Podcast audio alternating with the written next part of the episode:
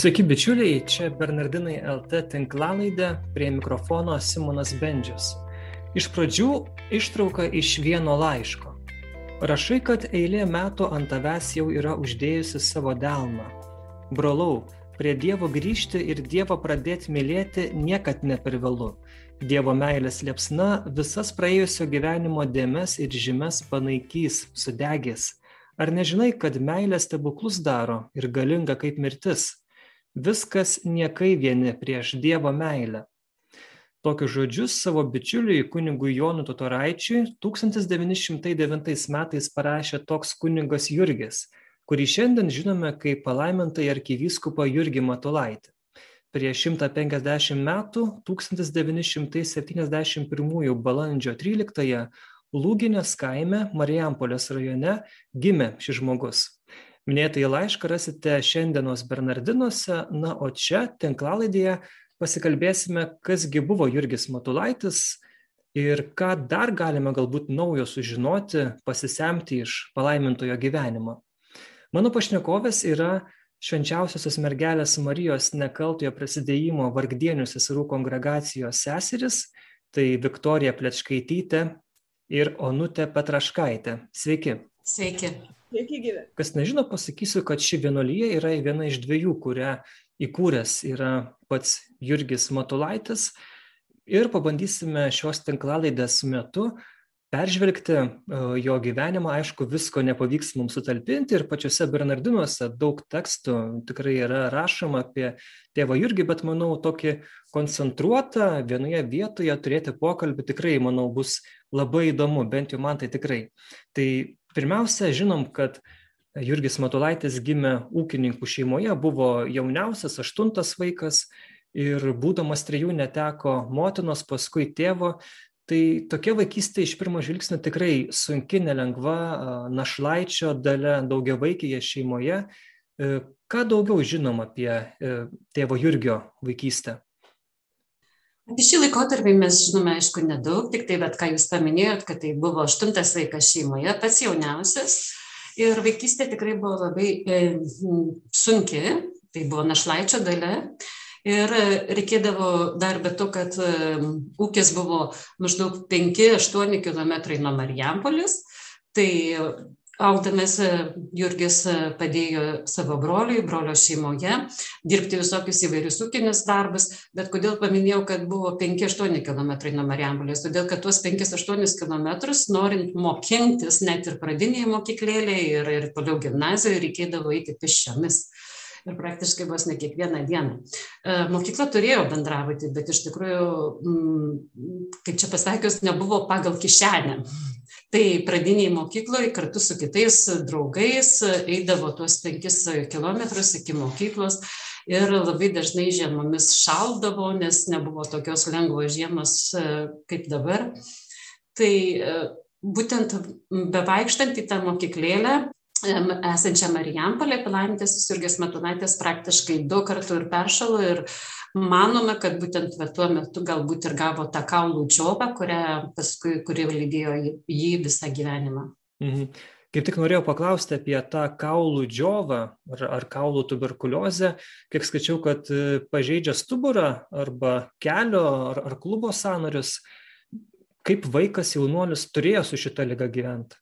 Pagrindinis dalykas ką mes žinome iš biografinių faktų tai kad visą gyvenimą kentė labai stiprius skausmus kojoje ir rankoje ir nešiojo pastoviai įtvarus tiek kojos tiek rankos ir net viena koja buvo truputį trumpesnė dėl šios ligos galbūt tai buvo ir kaulų kažkokie sutrupėjimai dabar šita liga labai stipriai progresuodavo ir vienu net laikotarpiu kai palaimintam jurgiui matulaičiui buvo beveik trisdešim trys metai kaip biografijos biografiniai faktai sako buvo atsidūręs netoli mirties. Detaliausią medicininę tiksliausią informaciją turime iš ekshumacijos tūkstantis devyni šimtai aštuoniasdešim septintųjų liepos pirmą paskelbimo palaimintuoju metu perkeliant jo palaikus iš sarkofago šone koplyčios į naują sarkofagą virš altoriaus. Ta atlikę ekspertai, medikai tyrinėjo ranką. Pirmoji vieta, kur pasireiškė tuberkuliozė, buvo koja ir tai buvo kelties sanarys. Tai buvo tai, ką turėjo Jurgis išgyventi vaikystėje. šlubo luošo vaiko patirtį, vėliau pasireiškia ir rankoje riešo sanaryje ir būtent tą vietą apžiūrėjo detaliai medikai ekspertai, apie tai galima rasti net ir straipsnių spaudoje. Ir nustatė, kad šiaip jau tuberkuliozė kaulų turi tokią tendenciją, kad jinai pažeidžia tą virškaulinį audinį ir keliauja sanario link. Artimesnio tai kairiosios rankos riešo sanarys buvo praktiškai sugriauštas, jis ne, turėjo nevaldyti kairiosios rankos riešo, bent jau gyvenimo pabaigoje. Kiek jisai pats apie tai kalbėjo, labai minimaliai. Yra keletą laiškų, iš to periodo yra laiškų, kuriuos, kur, kur, apie kurį ką tik kalbėjau seselė Jaunutė, kai buvo mirties grėsmė, bet taip pat ir amputacijos. Ir būtent, jis iš tikrųjų netiek labai kalba apie mirties grėsmę, kiek bent jau to žodžio pats nenaudoja, bet laiškuose kalba apie grėsančią grėsusią amputaciją, kojos amputaciją. Ir tie laiškai yra jau tuometiniam dvasios vadui, tėvui Honoratui Kužminskui, yra vos du trys tokie atviresni laiškai kuris taip jau atviresniu tekstu pasako kad jam iš tiesų yra prastai tuo metu ir buvo prastai bet jau šiek tiek gerėja ir truputį aprašo tą gydymo būdą ir bet tai yra beveik viskas. Šiaip kitų gyvenimo kitais gyvenimo periodais kai mažiau intensyvi buvo ta liga sunkiai atspėtum iš jo korespondencijos iš jo gyvenimo būdo jo veikimo kad kažkas iš viso buvo.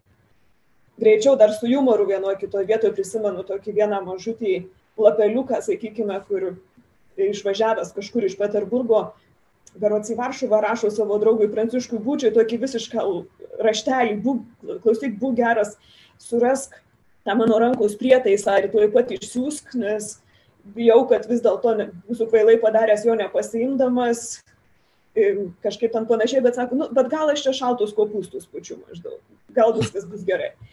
Tiesiog tokios vat, labai dalykiškos techninės užuominos apie tai, kas jam reikalinga. Aš dabar galvoju, kad tas toks nuolatinis e, mažesnio, didesnio skausmo kentimas, kiek jis galėjo tam bendram Matulaičio požiūrį į gyvenimą padaryti įtakos į tuos įvairius gyvenimo išbandymus.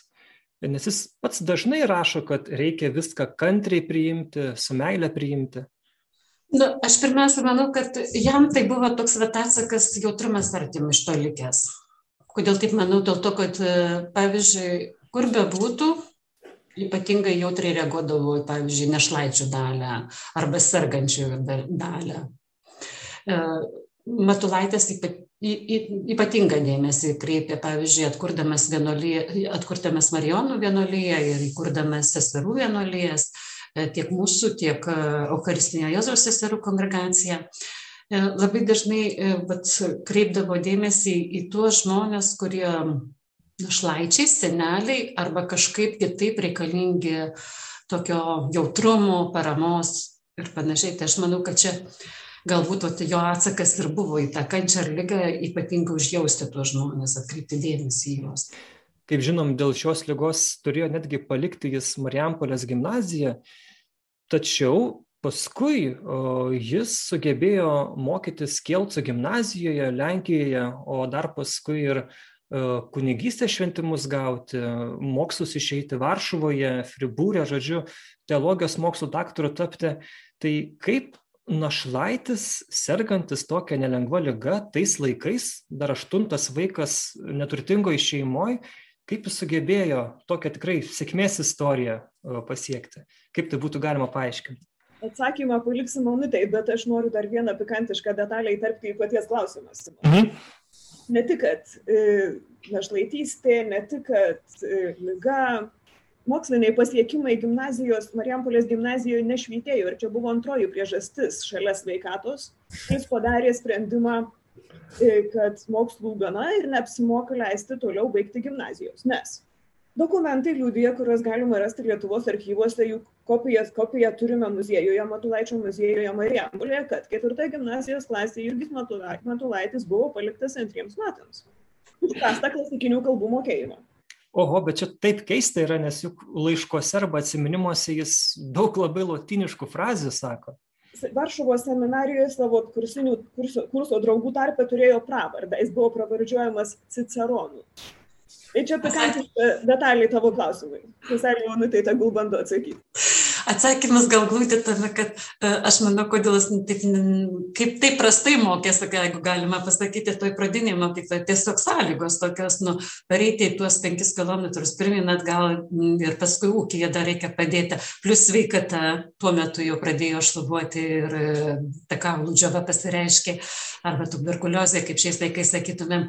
Kitas dalykas, ne visada užteko pinigų knygoms, pavyzdžiui, irgi uh, skaitome, kad labai dažnai iš draugų skolindavosi tas knygas. Tai manau, kad visos tos sąlygos lėmė, kad jisai, nu, bet prastai mokėsi, nes uh, tam mokslui reikėjo iš tikrųjų uh, susikaupti, turėti tam tikras sąlygas ir galimybės. Tai Matulaičio tos sąlygos ir galimybės nebuvo tokios lengvos. O po to, toliau, manau, kad labai didelę įtaką jam padarė jo brolis Andrius, kuris grįždavo patostogauti į tėviškę ir jį tiesiog ruošė gimnazijai ir labai gerai išmokė, paruošė, įstojo ir paskui labai gerai mokėsi. Paskui, e, dabar jau Viktorija pataisys, nebe, nebeprisimenu, ar Marijampolės gimnazijoje jisai pradėjo geriau mokytis, ar tik Kilsuose, bet Kilsuose, Kilsuose jau tai kadangi matulaičio e, įkelsus į seminariją jo jo iš tikrųjų svajonė buvo tapti kunigu bet kad kad norint tapti kunigu tai reikia aišku baigti ir gimnaziją. Tai čia vienas iš tų dalykų irgi kai tu nori pasiekti svajonę kažkokią tu dedi pastangas ar ne? Tai nežiūrint va tų visų ligų kas man labiausiai va ta sėkmės istorija tai labiausia kad nežiūrint tų visų ligų iš tikrųjų e, pasiima jį e, į lenkiją pusbrolis kuris jam labai padeda ir bet, bet tada jau Lenkijoje jis iš tikrųjų labai gerai uh, siekia to savo svajonės tapti kunigu. Taip, bet manau, kad čia su pagalba tiek savo brolio Andrius, kuris įmokė ir padėjo jam, tiek su pagalba kitų, ir kaip rašo vienuose prisiminimuose labai įdomiai rašo kad sako kodėl tą pravardę ciceronas gavo kad lotynų tą kalbą iš tikrųjų e, labai gerai pra, išmoko. Todėl kad nu vat buvo vienas iš dalykų nes kunigystė pasiekiama per š, visus šitos dalykus per mokslus irgi jo ir jo atsakas buvo taip kad užsispyrimas kad nu vat jeigu aš nežinau tai aš mokausi yra dalykų man viena mintis vis sukasi galvoj gal dėl to kad čia tas šimtas penkiasdešimtmetis jo na, tai va ta lūginė, tas kaimas, tai jo gimtinė, ne, ta gimtoji vieta, tie laukai. Šiaip jau jo biografai, tie, kurie iš tikrųjų tą jo dvasinę biografiją labiau bando suvokti, ne, atpažįsta tą vietą kaip pirmąjį tokį labai stiprų malonės veikimo lauką. Čia iš tikrųjų atsakyti į tavo klausimą, Simonai, šitą yra neįmanoma, ne, nekalbant apie Dievo malonę. Tai drįščiau vadinti ir malonės istoriją. Sutapimas, sakykime, kad tas pusbrolis tą ėmė ir atsirado vieną vasarą, kuris buvo ne šiaip savo, kas nors, jis buvo mokytojas, Kelcių gimnazijos mokytojas. Ir būdamas pedagogas, aiškiai atpažino tai, kas būtent buvo Jurgio asmenybė, ne, nežiūrint prastų pažymių, jis duomenis turėjo, jis turėjo galvą matyti, kaip sakė, mhm. paprastai liaudiškai sakom, ir šitas žmogus, Jan Matulevič arba Jonas Matulaitis, susivokė, kad šitas vyrukas, tuo metu jau 18 metų, vis dėlto nėra toks jau žioplas ir mokytis gali. Ir pasiūlė Jurgiui šitą galimybę, bet kas mane išvažiuoti į Lenkiją ir ten bandyti gydytis ir mokytis, bet kas mane visada trenkia šitoje istorijoje. Yra ta drąsa, tas ryštas, kažkoks tas parakas vidinis, kurio Jurgis turėjo turėti, kad po tų trijų metų, beveik keturių, išsėdėtų tiesiog tam lūginės kaime, po to, kai brolis padarė tą sprendimą, ne, kad tau mokslų nebereikia. Ne nu, realiai yra toks nurašymo momentas, ne iš tavęs nieko nebus, realiai žinia tokia yra. Vis dėlto jis po tiek laiko turėjo tą kažką savy, kas jam neleido nuleisti rankų, kas jam padėjo vis tiek stovėti ant kojų ir, ir išgirsti šitą kvietimą ir išdrįsti išvažiuoti į tą Lenkiją su tuo pažymėjimu, kurį jis turėjo antramečiui mokiniui, tai buvo jo paskutinis dokumentas iš Marijampolės gimnazijos, ir su savo skaudama koja. Čia buvo visas jo bagažas, su kuriuo jis išvažiavo į Lenkiją ir, ir sugebėjo ten pradėti tartum nuo nulio. Nu, vat, kalbėkime apie malonės veikimą, apie to jauno žmogaus, jau kažkaip Dievo malonės labai stipriai paliestą širdį, uždegtą kažkokiu ryštu, pasitikėjimu, supratimu, atradimu, kad yra įmanoma tai, kas yra neįmanoma. Apie pašaukimą į kunigystę mes nelabai ką ir žinome. Na nėra išlikę jokių jo raštų iš tų laikų kada jisai apsisprendę būti kunigu ar stoja seminariją, bet jūs, esate Viktorija, esate sakiusi, kad maždaug galima nuspėti, kas jam įtaką tam padarė. Pavyzdžiui, tie patys kunigai Marijonai jį, jį supo. Tuo metu Marijonai, kad ir uždaryti, kad ir caro valdžios persekiojami, be išmirštantis, bet dar egzistuoja. Jo tikybos mokytojai yra Marijonai reikia tikėti, kad jis turi gerų pavyzdžių, jis turi gerų ir gal pirmą kalbą būtent labiau kunigystė, ne tiek vienuolystė, galbūt jaunam vaikui, paaugliui, gal tas ateina vėliau su branda, su amžiumi, jo labiau, kad tuo metu jis turbūt irgi puikiai žino ir supranta, kas vyksta su marijonais, kad jie mirin, nu, išmiršta, kad vienuolinis gyvenimas yra uždraustas Lietuvoje tuo metu, tai ko gero ta kunigystė yra tai, kas yra realu, apčiuopama, tikra, pasiekiama, aišku. Vienuolystė jau paskui turbūt reikia daugiau brandos, daugiau tam tikro gyvenimo patirties ir skonio, kad tą Dievo kalbinimą atpažinti va, gilesnį jau. Ir, ir tas labai akivaizdu, kad iš karto su, su pačia kunigystės pradžia, tai irgi jau prasideda tas ryškėjimas, aiškėjimas, kad negana, kad čia dar negalas. Kad tai dar ne viskas, į ką viešpas kvietė ir kviečia. Čia Viktorija paminėjo tos du pašaukimus - kunigystė ir vienuoliniam gyvenimui. Tai tam vienuoliniam gyvenimui, ką jinai sakė, tai jau tada ryškiau mes galime atpažinti, nes jau matos, e, nu, bet kalbėjimais su draugais, kunigais, kurie yra jo draugai kunigai. Aš manau, kad čia ir draugystės reikalas yra, nes vienas dalykas - draugystės su Dievu reikalas, nes kažkur prisiminimuose randame, kad jisai labai dažnai įdavo į Marijampolės bažnyčią melstis. Net ir nežinau, rašo, kad e, tokiom atitrūkusiom valandėlėm, gal kai laukdavo, kad kaž, kažkas jį paims ar panašiai, jis eidavo kryžiaus kelią labai dažnai.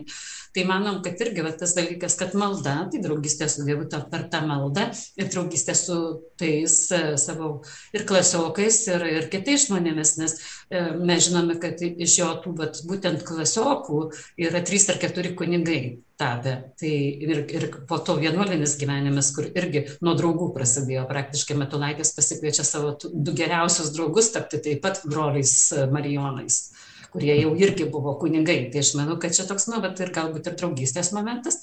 Ir paskui iš tikrųjų pavyzdžiai, aplink pavyzdžiai esantis.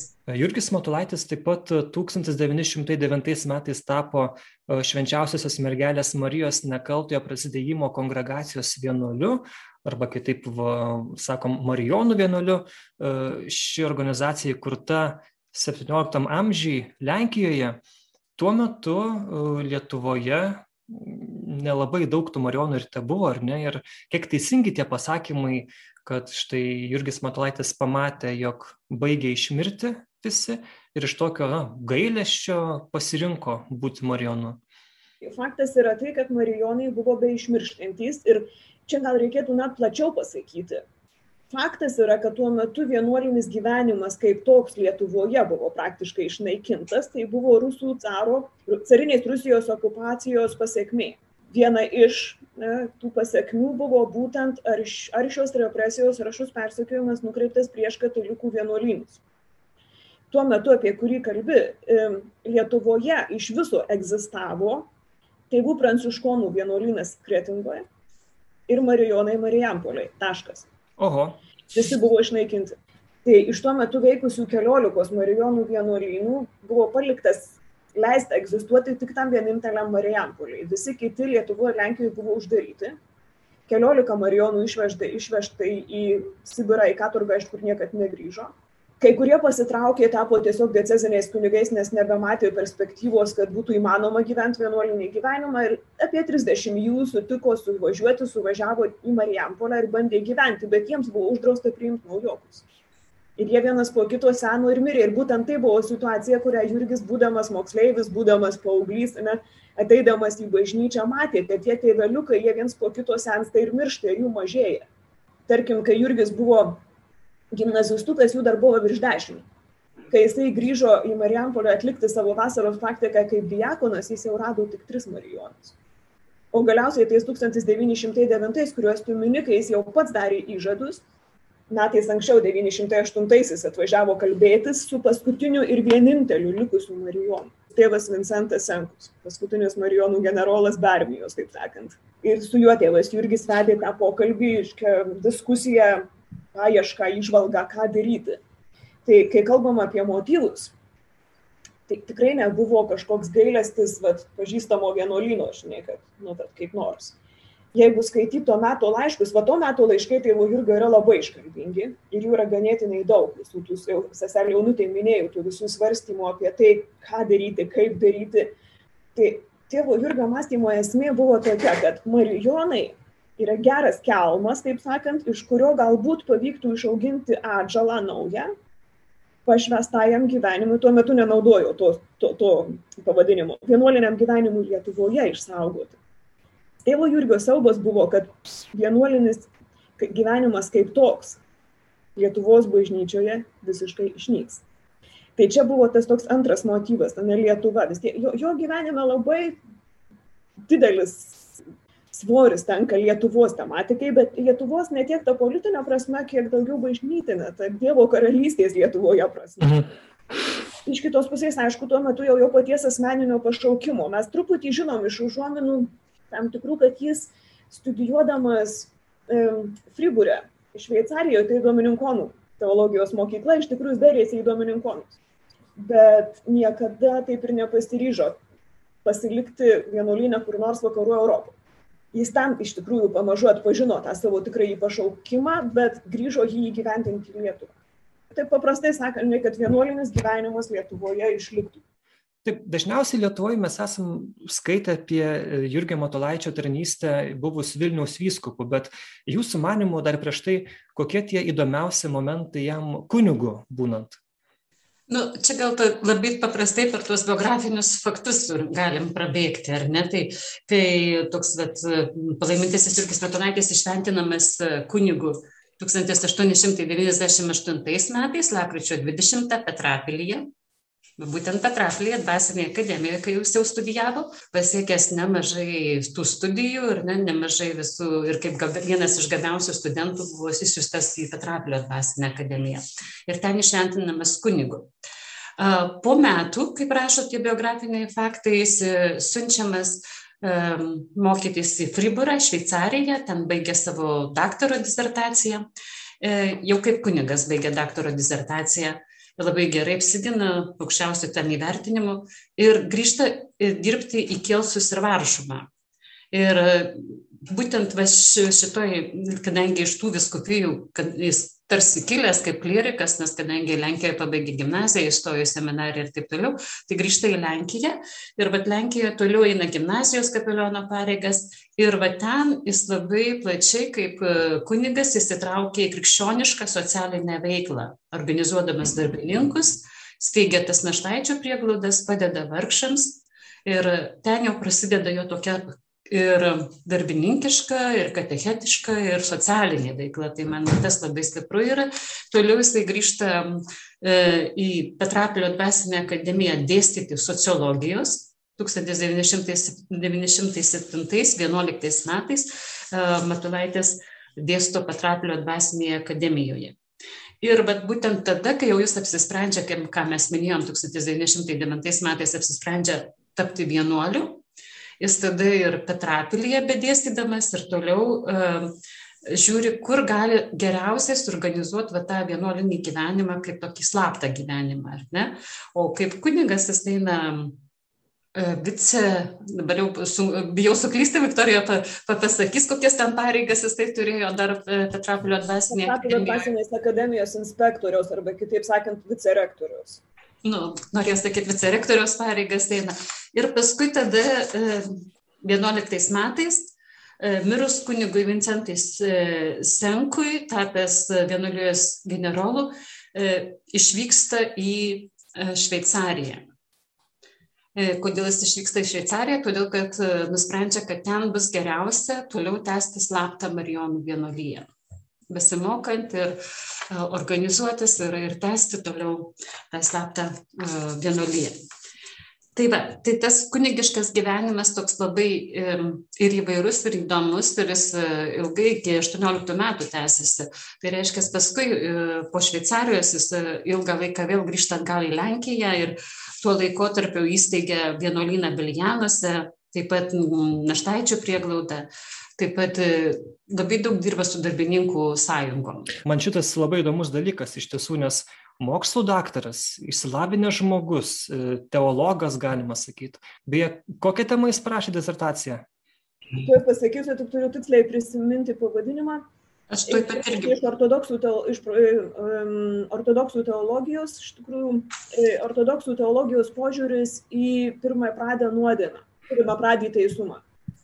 Pavadinimas, neatsiminiau visiškai. Pirmą pradę žmogaus pašventinimas, man atrodo, taip vadinasi tas. Ne, ne, ne, ne, kažkaip galėsim patikslinti vėliau. Gerai, tai kaip jis suderino būtent tą tokį savo išsimokslinimą, labai didelį inteligentiškumą, intelektualumą ir kartu tą rūpinimas, rūpinimas paprastai žmonėm, darbininkais.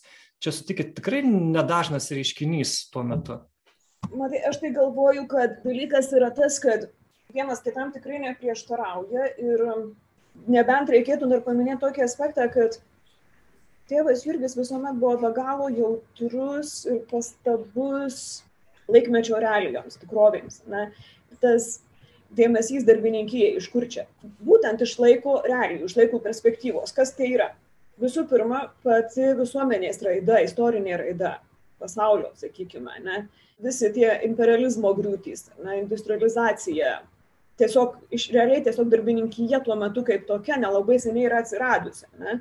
Tuo pačiu visas revoliucinis judėjimas Rusijoje, ne? proletariato formacija taip toliau ir tos visos socialistinės idėjos, kurios didelė dalimi yra ir antikrikščioniškos. Ir po 905, po tai, ką Onutė sako, kai jis, jis užsiangažuoja tam darbui darbini, tarp darbininkijos, ne, Varšuvoje tai yra po 905 metų revoliucijos Rusijoje, kai Varšuvo pareina visos tos, į Lenkiją pareina visos tos antikrikščioniškos, antikatalikiškos visos nuotaikos, ne, tėvas Jurgis vienu metu net vienam savo laiškai, tai šmaikščiai vardinas, ten, kur jau krikščionio vardą ištart buvo baisu. Tai yra reakcija į, į realijas. Ir į konkretaus žmogaus, ne jo vargą, skurdą, bėdą, bet tuo pačiu į visuomenės ir bažnyčios realijas. Kita pusė viso šito vaizdo yra tai, kad tai grubiai sakant, tuo metu, kai Jurgis buvo seminaristas, pati bažnyčia pirmą kartą prabilo oficialiai socialiniais klausimais. Turiu minti popiežiaus nuo 13 enciklika Rerum Novarum.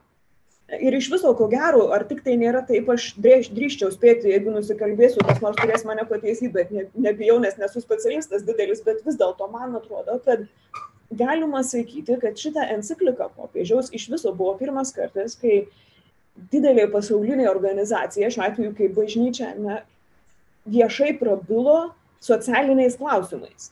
Kito tokio darinio ne, tiesiog nebuvo, kuris būtų pradėjęs kalbėti apie tos dalykus kaip žmogaus teisės, kaip žmogaus teisė į atlygį už darbą, žmogaus orumas ir panašus dalykai. Tėvas Jurgis labai greit pagavo šitą momentą, šitos virsmus ne, visuomeniai, bažnyčioje. Friburgė, studijuodamas Friburgo universitete, universitete šalia savo doktorinės disertacijos, kurios tikslus lotiniškas pavadinimas yra Doctrina Rusorum Destato Justicija Originalis. Kitaip sakant, rusų doktrina apie pirmapradį teisų, pirmapradžio teisumo būklę. Jis studijavo ir bažnyčios socialinį mokymą. Rytų Europoje tai dar nebuvo dėstomoji disciplina. Tuo tarpu Friburgas jau turėjo bažnyčios socialinį mokymą kaip dėstomąją discipliną. Ir iš Friburgo Jurgis grįžo į Rytų Europą kaip pirmas profesionalus teoretikas ir praktikas socialinių mokslų. O geras. Čia yra faktas.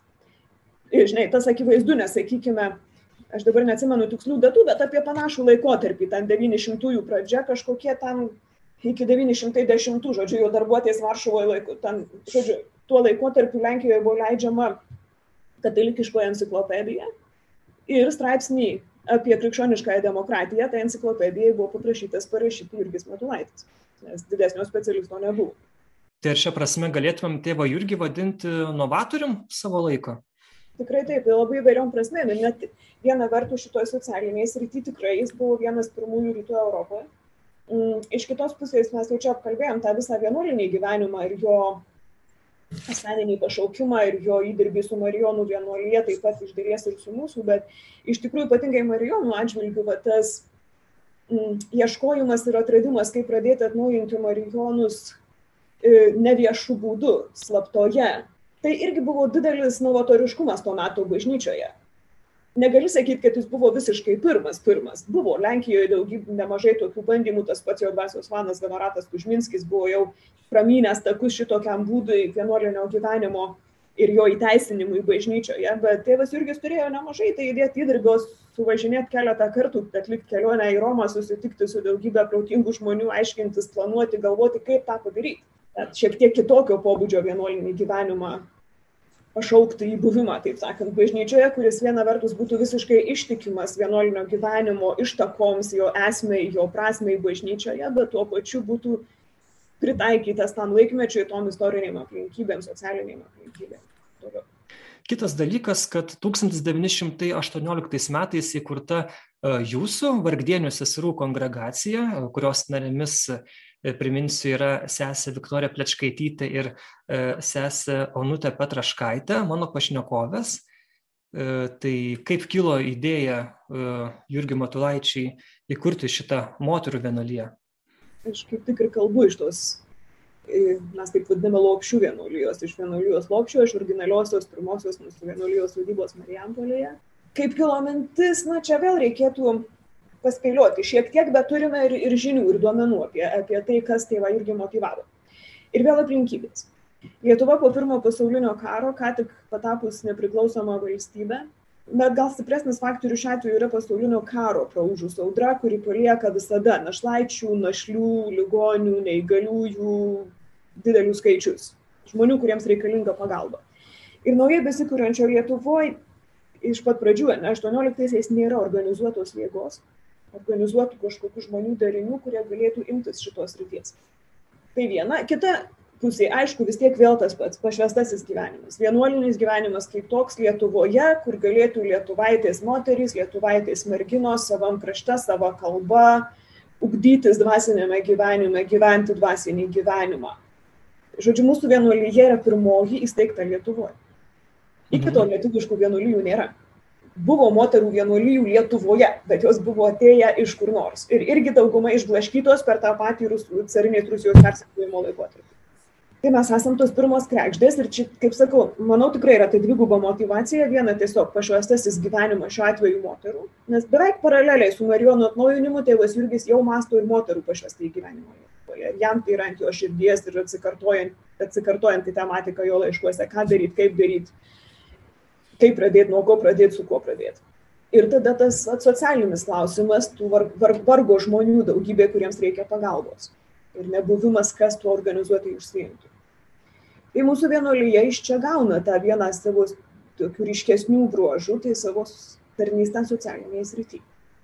Taip, ir Jurgis Matulaitis tampa 1918 metais Vilniaus vyskupu sudėtingas laikotarpis, e, vis tenka paskaityti arba išgirsti daug įvairių politinių, religinių įtampų.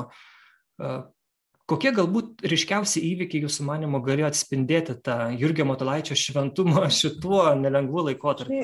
Taip, kol Onutė sutelks mintį į šitą laik, dalyką, aš dar noriu truputį grįžti į tą kitą klausimą. Ir Onutė gana išsamei atsakė apie jo kunigystės laikotarpį. Yra gilesnis sluoksnis jo asmenybės, sakykime, arba jo jau dvasinės biografijos tam tikras momentas, kuris taip kaip tas pirmas, kurį iš jaunystės sakiau, ne, kur mane trenkia ir vis, vis sustabdo mąstyti iš naujo, kas ten darėsi vidiniai žmoguje, ne, yra kitas iš kunigystės laikotarpio. Būtent kai jis pradėjo tą darbuotę su darb, tarp darbininkų Varšuvoje, čia yra beveik tas pats laikas, kai jis vos nenumirė toj ligoniniai, tuoj pat po to vos vos veikdamas jis visą tai darė ir vieną gražią dieną jis staiga buvo įspėtas vieno savo gero draugo, kad per daug smarkiai nesireikštų ten su tais darbininkais. Nes vyskupas, tuometinis Varšuvos vyskupas ir jo aplinka jau diskutuoja, taip sakant, e, tarėsi suspenduoti kunigą Jurgį Matulaitį, atimti iš jų jo kunigystės teisės, nes jis daro antibažnytinį darbą. Spranti tuo metu organizuoti darbininkus. Ką tai reiškia? Nes tas darbas su darbininkais iš tiesų buvo organizavimas jų tokias savišvietos grupės. Tuo metu telkti ir organizuoti proletariatą, ką tai reiškia. Būti ateistų, marksistų. Socializmas, nes revoliucija. Ir vyskupas kaip ir suinterpretavo tą reikalą. Matai, tas buvo labai labai nauja, kaip sakau, vos, vos ką tik bažnyčia buvo prakalbus tom temom. Ir tą, tą sritį įsivardinus kaip savą, ir toli gražu ne visur iki, iki apačios, netgi tokios apačios, vadinkime, kaip viskupai, ne, nuo Romos aukštybių, ne, buvo atėjęs tas suvokimas, apie ką čia eina kalba. Ir staiga tėvas Jurgis išgirsta va tokią žinią. Ir čia yra laiškas, jo laiškas vienas iš nuostabiausių jo laiškų tam pačiam Pranciškui Būčiui, jo geriausiam draugui rašytas praėjus visai, visai gabalui metų, jau iš Vilnius rašytas. Tam tikrom aplinkybėm tas reiškia, tai yra liudijimas patikrintas laiko. Tėvas Jurgis sako, kai tą išgirdau, buvo toks jausmas, kad žemė po kojom prasivėrė, tartum pamato netekau po kojom. Ta bažnyčia, kurią aš taip visą širdžią norėjau tarnauti, dabar mane ruošiasi baus. Turėjau tiesiog persirgti lygą daugiau kaip savaitę išbuvau užsidaręs kambaryje ir pasveikau iš Dievo malonės. Dievas davė šiek tiek suprasti kryžių ir kentėjimų reikšmą ir prasme. Nuo to laiko pradėjau visiškai nepaisyti, ką žmonės apie mane rašo, sako, galvoja, žiūriu tik tai Dievo garbės ir bažnyčios labo. Sau šūkių pasėmiau, nugalėk blogį gerumu. thank you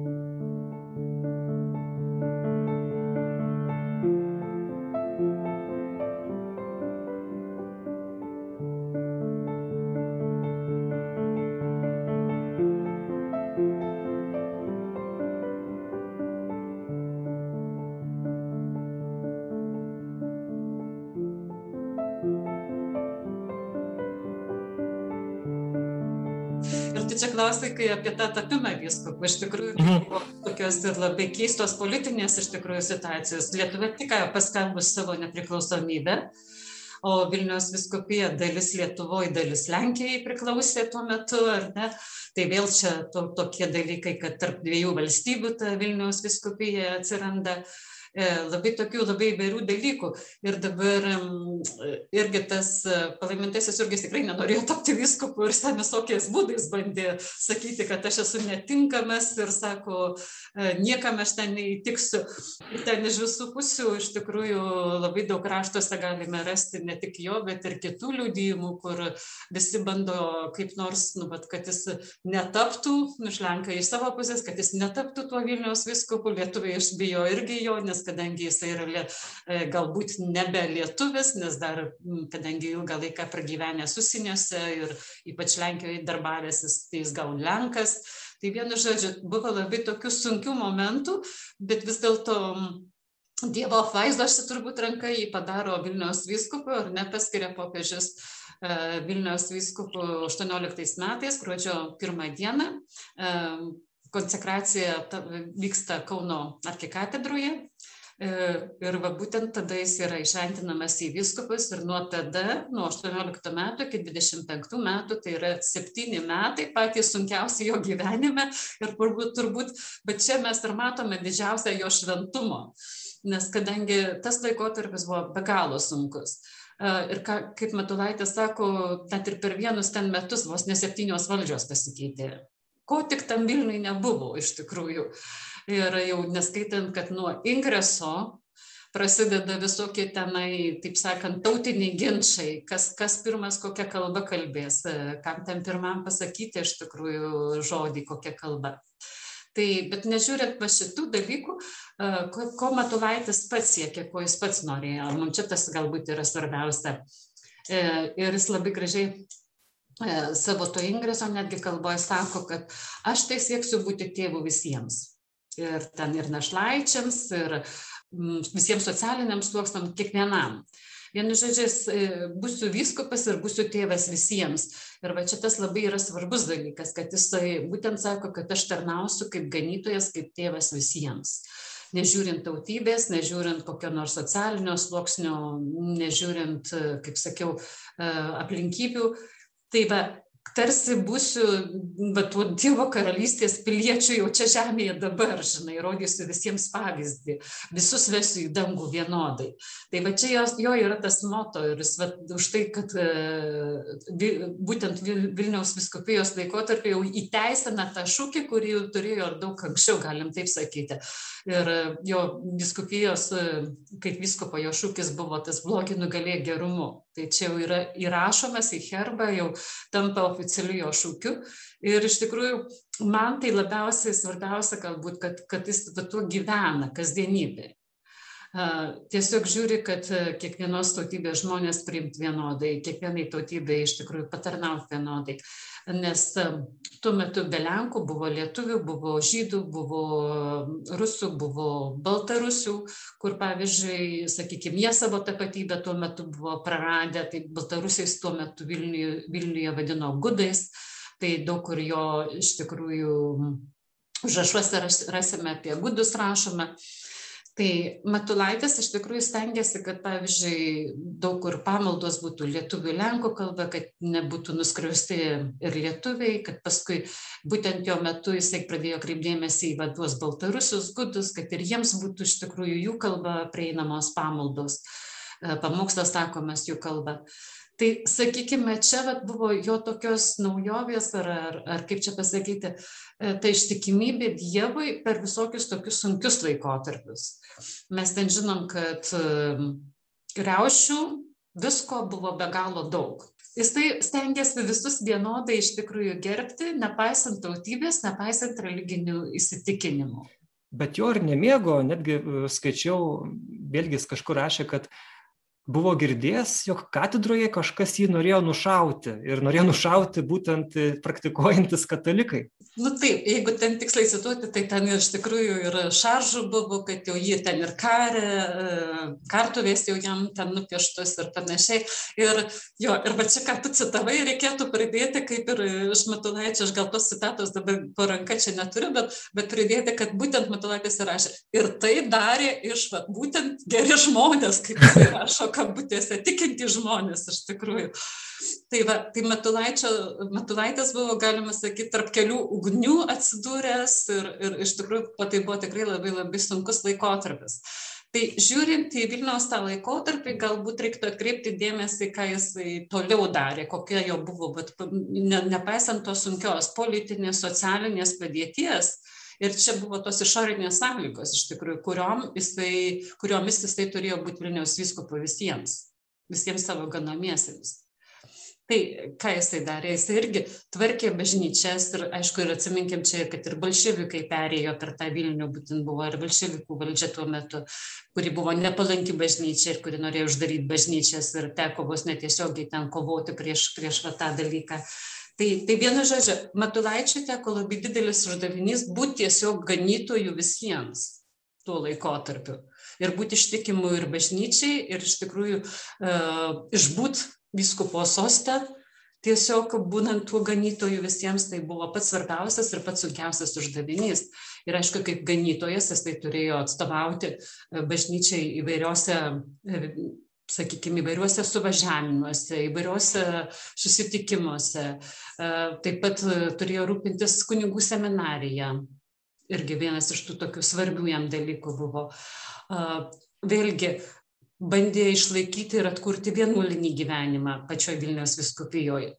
Bandė organizuoti, padėti organizuotis ir organizuoti įvairius bažnytinės draugijas ir komitetus ir tiesiog e, žiūrėjo, kur čia, kur paskirstyti kunigus, tiesiog kokiam parapijom ir kaip tos parapijos iš tikrųjų administraciškai sutvarkyti. Vieskupo reikalai, kurie nepaisant tų baisiai žiaurių, sunkių sąlygų, tiesiog turėjo būti kasdieninis gyvenimas. E, gerai, galime eiti toliau. 1925-aisiais e, ar šiek tiek anksčiau jis atleidžiamas iš Vilniaus įskupo pareigų ir tampa popiežiaus Pijaus XI paskirtas apaštališkųjų vizitatoriumi Lietuvai. Jis turėjo, žodžiu, būti tarpininku tarp Lietuvos vyriausybės ir šventojo sosto, kad, kad bažnyčia Lietuvoje oficialiai įsilietų į tą visuotinę katalikų bažnyčią, kad būtų pasirašytos sutartys Lietuvos su šventuoju sostu.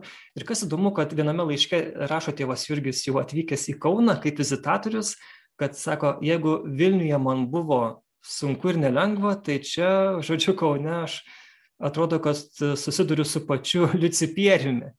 Tai kaip ten sekėsi Jurgi Matulaičiai? Nu, čia sek, sektis negalėjo būti lengva ir vėl reikia gal pradėti nuo pikantiškos detalės vėlgi. Taip, 25-aisiais jisai atleistas iš Vilniaus vyskupo pareigų savo pakartotiniais prašymais, ir argumentavo irgi politiką, tiesą sakant, politiką. dalykas tas, kad Lenkija irgi formavo savo bažnytinę provinciją tuo metu. Ir Vilniaus vyskupija pramatė kaip arkivyskupija. Ir tada atsirado tokia dilema, ne, kurią tėvas Jurgis labai gerai žinojo. Žinojo, kad Lenkai jo arkivyskupų jokių būdų Vilniuje ne, nepriims, o Roma norės jį matyti arkivyskupų Vilniuje. Ir jis labai paprastai rašė atvirų tekstų, kad nenoriu, kad mano asmuo taptų nesantaikos bažnyčioje priežastimi arba neapykantos prieš bažnyčią priežastimi, nes Lenkai tikrai sukils prieš Romą, jeigu Romo darys tokį sprendimą, kad paliks mane arkivyskupų Vilniuje. Nu va, ir, ir šventas tėvas priemė šitą jo argumentaciją.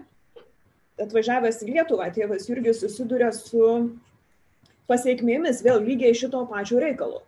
Romoje, Romoje išvykęs iš Vilniaus į Romą švento tėvų išleistas, ale kurti Marijonų vienuolynų centrinių namų, jis ten išbūna vos kelius mėnesius, jį tuoj pat siunčia atgal. Ir čia reikia pasakyti, kad tas siuntimas apaštalių administratorium į Lietuvą, Jurgio Matulaičio, vėlgi yra beveik beprecedentinis ir rodo jo asmenybės ypatingumą tam tikrą prasme. Bažnyčios kaip valstybės istorijoje, ne, kuri turi savo Vatikano kaip valstybės, ne, kuris turi savo atstovus kitose valstybėse, istorijoje yra žinomi berots tik du atvejai, kai tos pačios tautybės asmuo skiriamas Vatikano atstovų savo krašte. Normaliai taip nesidaro, nes iš karto kvepia intereso konfliktų žiūrėk, nuncijai Lietuvoje niekada nebūna lietuviai. Ir, mhm. ir, ir panašiai, na, jeigu kaž, kažkas yra iš mūsų lietuvių baigęs diplomatinę Vatikano mokyklą, jie dirba kažkokios Afrikos valstybėse kur nors. Tai aiškiai tas liūdėjo didžiulį e, šventos sosto pasitikėjimą Jurgiu ir greičiausiai tai yra ženklas to, kad šventas sostas tam tikrą prasme užanspauduoja, įvertina tuos septynis tėvo Jurgio metus Vilniuje, kaip išlaikytą egzaminą. Visiško patikimumo bažnytiškumo prasme, lojalumo bažnyčiai. Dabar, ką randa tėvas Jurgis atvažiavęs į Kauną? Jis randa Lietuvos valstybę, nu čia e, vadovybės lygmenyje, ne politikų lygmenyje, sukilusią prieš Romos katalikų bažnyčią. Kodėl? Dėl tos pačios priežasties, nes Vatikanas ką tik patvirtino Lenkų bažnytinę provinciją su Vilniaus kraštu jo sudėtyje. Tų pačių laiškų, kuriuos tu cituoji, jų ten yra pora, panašių. Tėvas Jurgis rašo, kad maždaug taip, kad kai suvokiau, kas vyksta, man pasidarė aišku, kad Lietuva stovi ant apostazijos ribos. Verkiau kaip vaikas, kaip rašo. Realiai, vėlgi, tuo metu čia ne tik Lietuvos fenomenas, čia vėl fenomenas susijęs su tais visais socialiniais, politiniais, socialiniam politiniam transformacijom rytų Europoje plamai ir tuo pačiu rytų Europoje tai formuojantis tautinėm valstybėm dėl panašių tų visokių politinių motyvų ne vienoj vietoj pradėjo kilti tokie tautinių bažnyčių judėjimai bandymai formuoti tautines bažnyčias. Daugelis iš jų žlugo vos vienas antras yra išlikę. Žinai tai ką mes geriausiai šiandien pažįstam aišku tai yra žymiai ankstesnis laikotarpis bet paralelė gera pavyzdys suvokimui būtų anglikonų bažnyčia kuri savo dogmatika savo mokymu yra lygiai tokia pat kaip katalikų bet nepripažįsta popiežiaus valdžios ir Lietuva, Lietuva politikos politikų lygmenyje, aišku, ne eilinių tikinčiųjų, ne eilinių parapijų bendruomenių, bet valstybės vadovybės politikų lygmenyje buvo pradėję kontempliuoti tokį dalyką, kaip kurti Lietuvos nacionalinę bažnyčią, arba tautinę bažnyčią. Atskira nuo, nu, nepriklausoma nuo Romos popiežiaus, nepaklusne Romos popiežiaus. Nu, manau, kad natūralu, kad tėvas Jurgis va šitos dalykus įvardina kaip piktojo veikimą akivaizdų nu va, ir jis turi reikalą būti su tokio nuotaiko. Ir juose turi laviruoti, juose. Ir jis ateina kaip atstovas tos bažnyčios bjauraus to Vatikano, ne, kuris vat, atėmė Vilnių, arba geriau sakant, pripažino, palaimino tą aneksijos faktą. Ir tėvas Jurgis turi smarkiai dirbti, kad įrodytų, išaiškintų, palauštų, nulauštų supratimus visų tų žmonių, kad bažnyčia nedaro politikos. Bažnyčia bando prisitaikyti tarnauti žmonėms tose politinėse aplinkybėse, kurios yra susidarę. Tai va tėvo Jurgio pagrindiniai tie dalykai, ką jisai darė, tai jisai kūrė bažnytinę provinciją, būtent tuo vizitatoriu būdamas ir e, kūrė tą konkordatą. Konkordatas yra ta sutartis valstybės ir bažnyčios, ar ne? Tai va e, jisai šituos du dalykus iš tikrųjų padarė labai gerai, labai gerai atliko, nes ten per tuos du metus labai stipriai turėjo dirbti, kad padarytų tą, sudarytų tą Lietuvos bažnytinę provinciją, su, sakykime, net gal dabartiniam šeš, šešiom viskupijom atsirado vėliau Šiaulių viskupija, jau, jau sakykime, šiais metais, šiais, šiam laikė. O mm. tėvo Jurgio Matulaičio buvo vat, būtent tos kitos viskupijos suskirstytos ir padarytos. Tai, tai, va, tai čia jo didžiausias indėlis kaip vizitatorius, tai tie du dalykai - bažnytinė provincija ir kad, kad katalikų bažnyčia Lietuvoje liko katalikų, netautinė, bet katalikų bažnyčia, visuotinė visuotinė bažnyčia. Ir kitas dalykas, tai va būtent šitas e, konkordato paruošimas, reiškia valstybės sutarties paruošimas su katalikų bažnyčia, su popiežiumi. Tai tarp visų jo nuopelnų galima minėti ir tą diplomatinį talentą turbūt labai didelis, va, būtent šituo metu pasireiškęs labai didelis diplomatinis talentas. Nežiūrint to, kad jis ne, nebesulaukė ratifikavimo pasirašymo konkordato ir paskutinė redakcija buvo daroma be jo, bet taip jis tikrai įdėjo be galo daug ir ypatingai bažnytinės provincijos teigimo. Visą procesą iki viskupų kandidatūrų parinkimo, tai kad galų gale jisai parinko visas kandidatūras ir jos visos buvo patvirtintos, tai yra faktas tikrai. Ir esu girdėjus, irgi ne mano, jau iš čia beždžioniauju, taip sakant, ir, ir kartoju kitų pasakytas mintis, bet tas, kuriuom daugiau mažiau pasitikiu, esu girdėjusi iš profesionalesnių žmonių, žmonių tokį pas, pamastymą, kad e, bažnyčios Lietuvoje labai sparčią, labai tokią intensyvę raidą tarp tų vat, maždaug 25 ir 40-ųjų. Didelė dalim nulėmė būtent tai, kokie žmonės buvo tėvo Jurgio parinkti į viskupų sostus toliau galvojant, tas nulėmė, kaip ir kiek bažnyčia atsilaikė per sovietmetį. Mhm. Tokia, kokia jinai atėjo iki sovietmečio, buvo svarbu, kaip jin toliau išgyveno sovietmetį. Ir čia aišku, tokie pritempinėjimai turbūt, bet jie ne mano, aš čia su juos išgirdus iš kitų ir manau, kad turi prasmės. Mhm. Tai va, apžvelgėme Matulaičio biografiją, tokius įdomesnius, ryškesnius jos aspektus. Palaimintojo e, Jonas Paulius II jį paskelbė 1987 metais. Kodėl? Kokios jo tos savybės, nuveikti darbai, e, tas gyvenimo pavyzdys, kaip tą šventumą atskleidė? Ir kokie galbūt jo darbai arba nuostatos galėtų mums būti tuo pavyzdžiu šiandien? Jeigu čia galima įvairiai atsakinėti, gal Onutė galės pas, norės pasakyti daugiau tokio savo požiūrio į tai, ne, bet ši bažnyčia turi ir tuo metu turėjo labai aiškę procedūrą, tam tikrą su labai aiškiai vardintais kriterijais.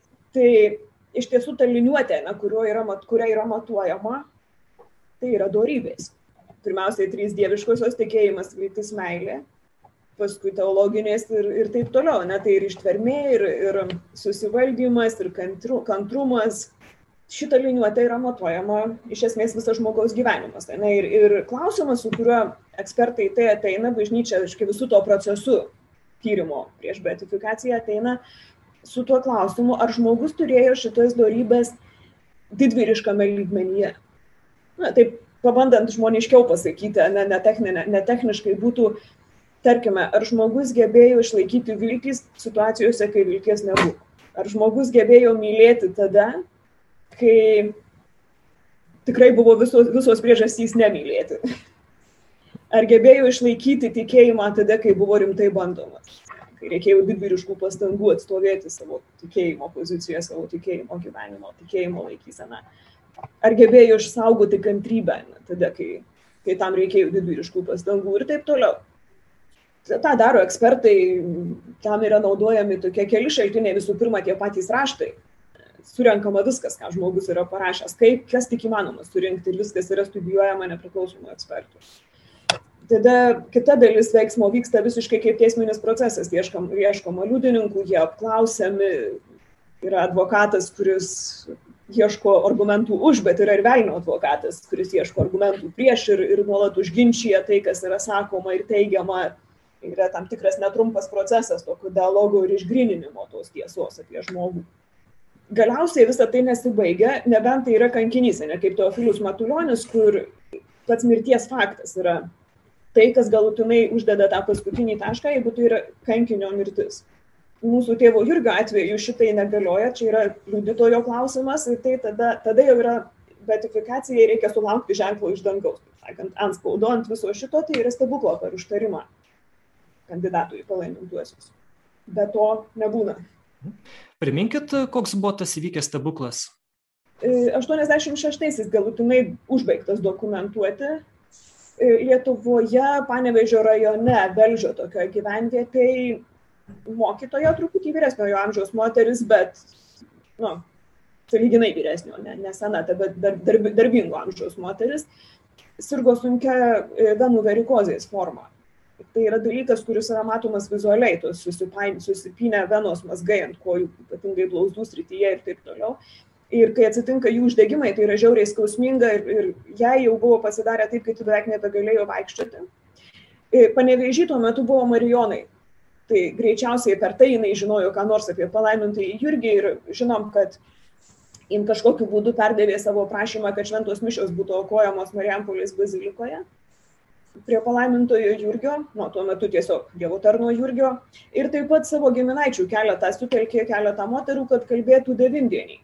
Jos intencija, jai buvo, jos didysis troškimas buvo galėti dar dirbti, mokytojauti, jau jai iš kaimo reikėdavo važinėti dviračiu į savo darbą, bet jau jinai kurį laiką nebegalėjo to daryti. Ir aš niekad niekaip negaliu įsidėmėti kažkodėl, kurią ten to devindienio dieną. Jos pradėjo melstis tas devinių dienų tą maldą iš eilės ir nebežinau, ketvirtą, penktą, šeštą nepasakysiu kažkaip apie vidurį to reikalo. Vieną rytą nubudusim tiesiog pajuto, kad tos kojos yra žymiai lengvesnės ir besiprausdama apsižiūrėjo, kad nesimato jokių tų susipainiojusių venų, jos yra tiesiog dingę. Ekspertai patvirtino. Žinau, kad yra tokia specifinė įrišta raudona knyga, betifikacijos proceso dalis susijusi su stebuklu ir tai irgi yra, yra liudijimo dalykai, yra e, dokumentavimo dalykai, kurie yra siunčiami vėlgi į Romą, yra šventų skelbimo kongregacija, kur yra specialūs medikai, kurie jūs peržiūrės, peržiūrė, ekspertuoja, taip toliau ir tik tuomet galų gale atiduodama švento tėvo žiniai, kuris pasirašo dekretą dėl stebuklo autentiškumo, bet kol tas atsitinka, vėl yra tam tikras netrumpas techninis procesas. Tai kad pro jį prasprūstų kažkas, kas nėra autentiška, nėra tikra, yra maža tikimybės čia reikia tik paminėti kad tie visi stebuklai turi būt patvirtinti medikų. Jeigu vat stebuklas įvyksta tai jis turi būt patvirtintas medikų. Kitaip nepripažįsta jo. Kaip liudijimą pripažįsta bet jeigu jisai nepatvirtintas medikų jis nelaikomas kaip stebuklu tai va čia. Man tiktai kitas dalykas kad vat kai susiduriam su šventaisiais palaimintaisiais ar tais paskelbimais palaimintaisiais šventaisiais yra labai svarbu bendraamžių ir mm, tuo metu gyvenusių žmonių liudijimai Tai va, tai čia yra tas svarbus momentas, nes būtent, e, kad žmogus tikrai šventas liudyja liudininkai iš tikrųjų. Ir, ir e, jeigu tautos atstovai, ta prasme, pavyzdžiui, biskupai, kunigai, bet svarbiausia eiliniai tikintieji tikrai tiki, kad tas žmogus buvo šventas, šventai nugyvenimo gyvenimą. Taip paprastai žodžiais įvardinant tai čia va tas yra labai svarbus dalykas ir svarbus momentas nes reikia tų liudijimų kad jisai tikrai buvo šventas. Tai čia irgi reikia paminėt kad tik marijonai broliai surinko tikrai daug labai liudijimų apie jo gyvenimą ir tuos faktus. Ir pagrindinis vat matulaičio atveju pagrindinis tas liudijimas yra užrašai kuris iš tikrųjų a, a, užrašydavo kas vyksta kaip vyksta bet a, ką tas liudija tie užrašai liudija kad tas pasitikėjimas dievu tos vat pagrindžia tas tris tikėjimo dorybės, tikėjimą, viltį ir meilę rodo ir pagrindžia, kad iš tikrųjų tai, visa tai kilo iš Dievo ir peržengė net galėtumėm sakyti žmogiškumo ribas elementaraus paprasto žmogiškumo ribas. Reiškia, tiek, tiek žmogus bendradarbiavo su ta Dievo malonė, kad jis paėgė, pavyzdžiui, stovėto septynis Vilniaus metus, kurie buvo atrodytų žmogiškai neįmanomi. Būti ištikimam ir, ir būti e, tik tai Dievo reikaluose, ar ne, ir, ir sakykime, nepadaryti kažkokiu tai žmogiškų paprastų arba baisių klaidų. Čia jau taip paprastai kalbant. Iš tikrųjų labai svarbu, kaip, ką noriu pabrėžti, kad labai svarbu yra tie liūdėjimai. Ir pavyzdžiui, labai daug ir tų pačių kunigų, ir, kurie ir net sukilę buvo, prieš tą matulaitį, paskui liūdydavo, kad vis, šitas žmogus tikrai neįlinis ir kad jis yra tikrai šventas. Ir kad jis iš tikrųjų savo asmeniu neustodavo, žinai, Dievo, bet kaip tik lydėjo ir vedė į Dievą. Ir man čia va, tokie keli momentai, sakykime, kad net popiežius Pijus XI, kuris Matulaitį tuo būtent buvo paskyręs Vilnius viskupu, nekartą apie jį yra sakęs, kad jis tikrai buvo šventas žmogus, tikrai Dievo vyras. Tai čia toks labai svarbus liūdėjimas. Kitas svarbus liūdėjimas ir tai, kad pavyzdžiui, popiežius Jonas Paulius II, kuris paskelbė Metunaitį palaimintuoju, paskelbdamas irgi sakė, kad Metunaitis buvo pasirengęs įvairiais būdais prarasti gyvybę dėl Kristaus. Tai čia toks, va, tas, tas žmogaus išorinis nusiteikimas matomas toksai, kad uh, visą, ką aš darau, aš darau dėl Kristaus ir net esu pasirengęs aukoti savo gyvybę, gyvybę dėl jo. Ir e, kaip mes žinom, Matulaitis visą gyvenimą tą kančią turėjo. Tai ta lyga nėra tas dalykas, kuris va čia taip ima ir praeina. Jis visą gyvenimą, e, tą e, lygą jis visą gyvenimą turėjo. Tai ta lyga jam pagerėdavo, kartais, kartais pablogėdavo, bet iš tikrųjų jinai lydėjo visą gyvenimą ir jis labai dažnai ją daugiau nugalėjo negu, negu iškentėjo, jisai daugiau ją nugalėdavo. Ir ją nekreipdamas dėmesio iš tikrųjų padarė tokius labai didelius darbus. Ir Bet būtent man labai buvo įdomus, aš tik bijau, nu, Viktorija patvirtins arba pasakys konkrečiau, bet man buvo labai įdomus toksai vieną kartą išgirstas uh, būnant Marijampolį išgirstas toks liūdėjimas, kad, sako, e, medikai savo pusę žiūrint iš tą e, suniokotą tos lygos kūną, tą ranką, koją ir tuos visus įtvarus, sako, atrodytų, kad, būtų, kad neįmanoma žmogui padaryti tiek su tokia kančia, turint tokią kančią, tokią lygą savyje, ne, atrodo neįmanoma tiek darbų padaryti išoriškai ir, ir taip gyventi išoriškai, tarsi jos neturėtum. Tai, tai va čia tas toksai irgi gyvenimo, galim sakyti, stebuklas, kuris iš tikrųjų savo gyvenimą paliūdė, kad uh, Matulaitis, nepaisant tų visų vidinių dalykų, sakykime, tos lygos, tų, tų žmonių, kurie jį puldavo, kurie prieš jį ten prieštaraudavo, ten žaidinėdavo visokiais būdais visko.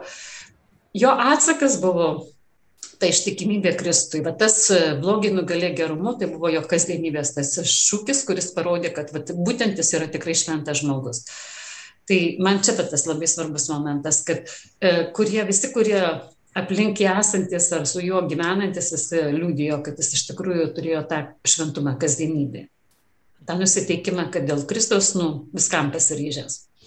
Joks beatifikacijos procesas neprasideda be judėjimo iš apačios. Uh mhm. -huh. Pirmas veiksnys, pirmas faktorius visada yra tiesiog tikinčiųjų bažnyčios santykis su šituo žmogumi, pasitikėjimas jo užtarimu yra, paprastai sakant, tai, kad žmonės eina, meldžiasi, ieško kažkaip jauste jaučia, kad per šitą žmogų jie, tarkim, priartėja prie Dievo. Ne? Tai, kad šitas žmogus yra kažkaip kelias artin Dievo, artin Dievo malonės, artin Dievo šviesos.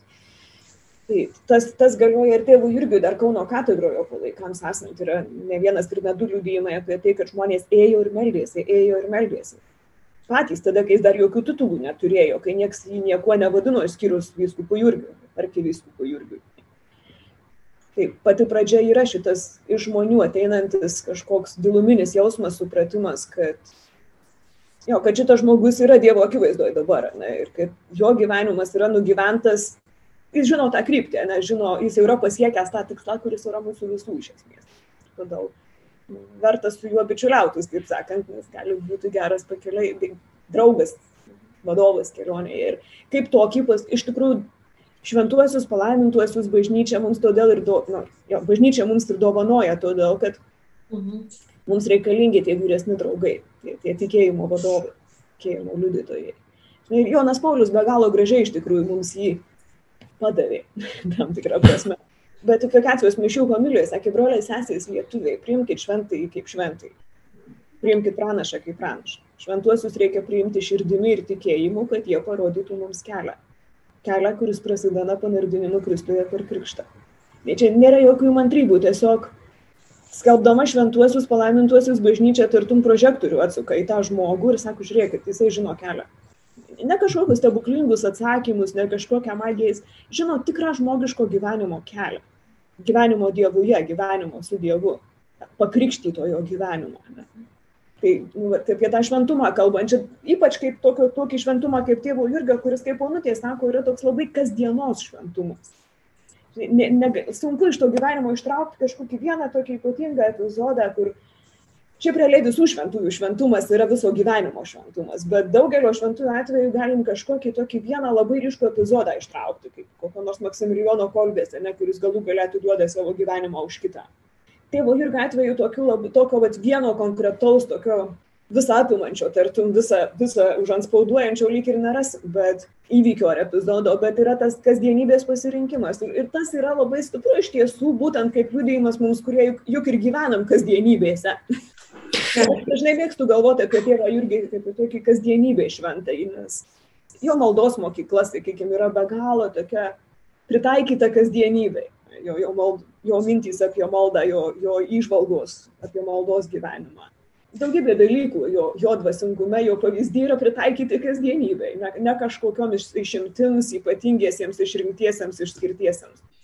Vienu žodžiu, jį labai gražiai apibūdina, aš nežinau, kur, kur sakė, kad itališkai išleista knyga apie jį, labai gražiai apibūdina, įsimylėjęs bažnyčią. Taip pat palaimintasis, kuris nu, buvo įsimylėjęs Dievą ir bažnyčią, iš tikrųjų visą tai kyla jam iš tos meilės Dievui ir bažnyčiai. Jis viską darė iš šito šaltinio ir, ir dėl šito santykio su, su Dievu. Tai vat, tas man labai atrodo svarbiausias tas momentas, kad nu, vat, jisai visą tai daro dėl Dievo ir dėl bažnyčios ir labai aiškiai, iki pat paskutinio E, sakykime, sakinio, ne, kur palaimina savo vienolyje prieš pat e, mirtį ir sako, reikiokitės ir aukokitės, žinai, dėl bažnyčios maždaug. Tai va, tai čia tas yra dalykas, kad ir, ir tie jo pasakymai užrašuose, kad e, iš tos meilės bažnyčiai sudegti kaip ta žvakė arba būti puotkelė bažnyčioje ir išvalyti ten didžiausią kampą tai rodo tiesiog paprastus tokius eilinius e, veiksmus atrodo, bet um, pati, pats pats didžiausias dalykas, kad visa tai vyksta iš tikrųjų iš tos meilės bažnyčiai, bet ką gali padaryti, nu, bet, bet kam pasiryžęs. Yra tarsi tokia, bet, kad save atiduodu dėl tos bažnyčios. Nes yra gražu, kad tai jo meilė bažnyčiai ne tik gražu, bet turbūt reikalinga šiam laikui. Čia yra vienas iš aspektų jų liūdėjimo, kuris gali būti labai reikalinga šiam laikotarpiu, kur Žinai, jis mokėjo mylėti bažnyčią ir tada, kai ji nebuvo graži. Bet ir tuo pačiu Vilniaus laikotarpiu. Na, ir, ir, ir su visiškai į politiką pasinešę kunigai, nukunigėję ir va, tie gerieji katalikai, kurie jį nušaut katedroje nori ir panašiai ir panašiai. Na, ir, ir viskupas, kuris jį smerkia. Žodžiu, ta bažnyčia, kurioje jisai gyveno, kurią jis mylėjo, buvo ta šventa nusidėjėlių bažnyčia. Jis labiau negu bet kas matė bažnyčios uh, tamsiasias pusės, bažnyčios nuodėmę, bažnyčios vargą, mizeriją. Ir vis dėlto nenustojo jos mylėjęs, nes nenustojo joje matęs tos Dievo karalijos, bet čia yra jo, jo frazė - Dievo karalyje žemėje, Kristaus karalyje žemėje. Na, to, tos vat mistinės bažnyčios tikrovės, kuri tuo pačiu jam buvo be galo reali. Tas, būtent tas, sakykime, meilė Lietuvai, ne, apie kurią kalbėjom. Jis ir į Vilniaus sostą eidamas Lietuvos tarybos nariams sakė, nu ką, jeigu Lietuvai mano auka reikalinga. Bet yra daugiau negu Lietuva. Yra, va, tas, tai yra ta Dievo karalystė žemėje, bet labai konkrečiai čia, dabar, šitoje vietoje, šitoje erdvėje, šitame mieste, šitoje krašte. Ne, ne teorijos, ne frazės, va, tas, tas gyvenimas arba jos tos karalystės bus daugiau per tai, ką aš darau ir kaip aš gyvenu, arba nebus. Taip. Kągi, dėkui Jums už pokalbį. Tai buvo švenčiausiosios mergelės Marijos nekaltojo prasidėjimo vargdienių seserų kongregacijos vienuolės e, sesuo Viktorija Plečkaitytė bei sesuo Onutė Petraškaitė. Dėkui Jums už įdomų pokalbį ir linkiu, kad šiemet mes iš naujo atrastume Jurgį Motulaitį arba tie, kas e, su juo nebuvo susipažinę, kad štai pradėtų jį skaityti, e, domėtis. Viliuosi, kad ir ši tinklalaidė kažkiek prie to prisidės. Aš esu Simonas Bendžius, dėkoju, kad skaitote mus, žiūrite ir klausotės. Iki kitų kartų.